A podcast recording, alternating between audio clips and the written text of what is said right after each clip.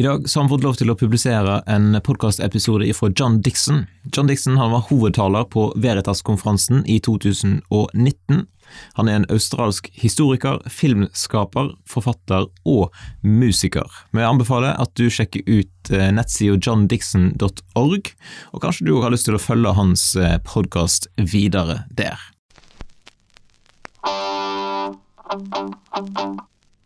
Hey,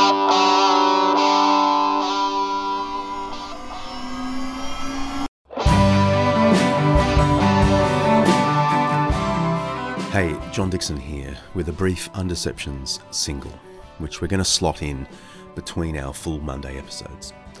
Some listeners, no doubt, have way too much on their minds at the moment to want an intrusion like this, and that's totally cool. I, uh, I don't want to bug you. Uh, but maybe others, um, certainly I've been asked if I could do this, maybe others would want some ancient wisdom on living through times of illness and disease. It's certainly something the first Christians grappled with, and some of what they did was remarkable.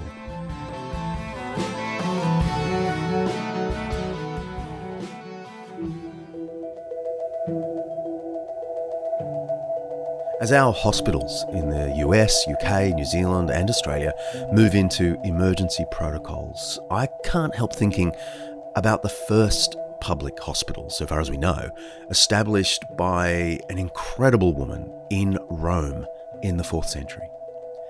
Fabiola was ancient Rome's wealthiest woman. She was actually from one of the seven founding families of Rome. And in the mid 300s, she became a Christian as an adult. Her story is a sort of sad and long one. Um, she had an abusive husband, and uh, because of her connections with the emperor, she was able to get permission for a divorce. Uh, good on her. And uh, in that kind of searching period, she read the Gospels, met Christians, and was captivated by the powerful, gentle one she found in the Gospels. Anyway, as she read the Gospels, she was sort of overcome by the, the sense of Christ's love and his call to love. And her response uh, kind of changed Western history.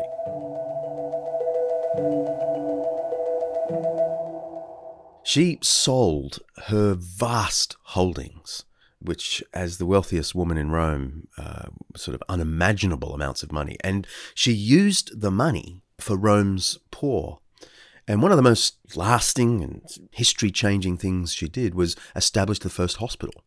I mean, hospitals were known in armies, of course, but it was a completely novel idea to open a hospital in one location available for everyone. That just did not exist in Fabiola's day. We actually have a contemporary account of Fabiola's life from a letter written by her mentor, the great biblical scholar Jerome. Let me just read a couple of paragraphs.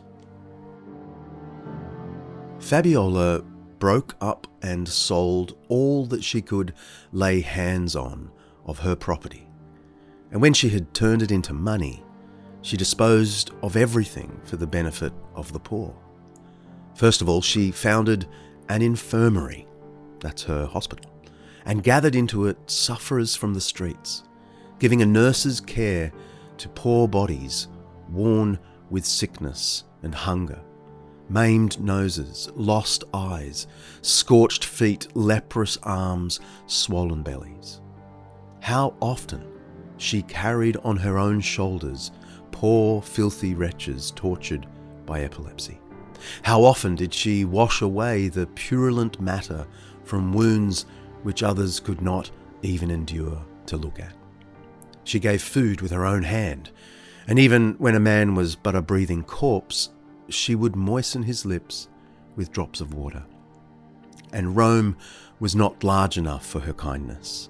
She went from island to island and travelled around the Etruscan Sea, bestowing her riches.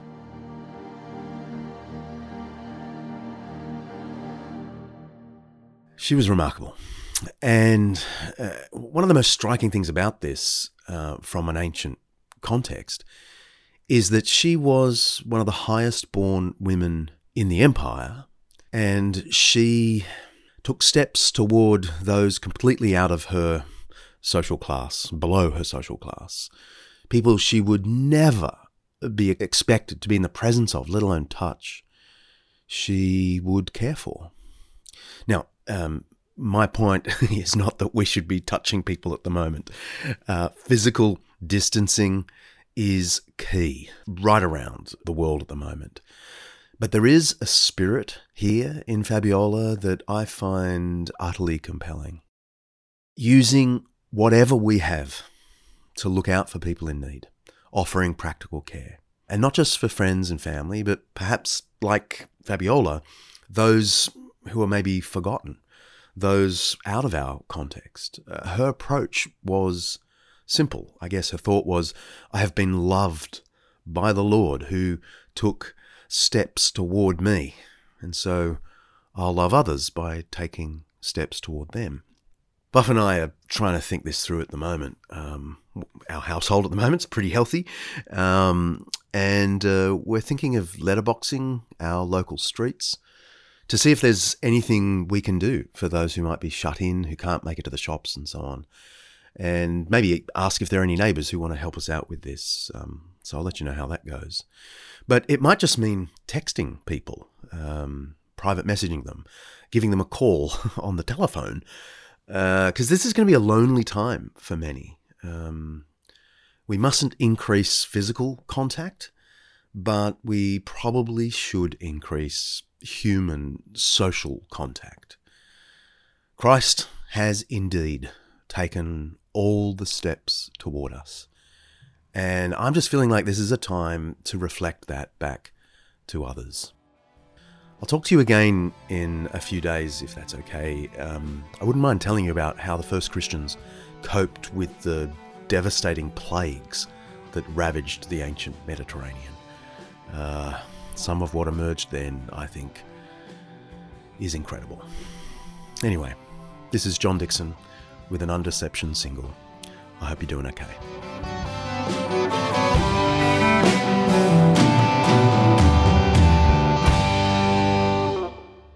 You've been listening to the Eternity Podcast Network, eternitypodcasts.com.au.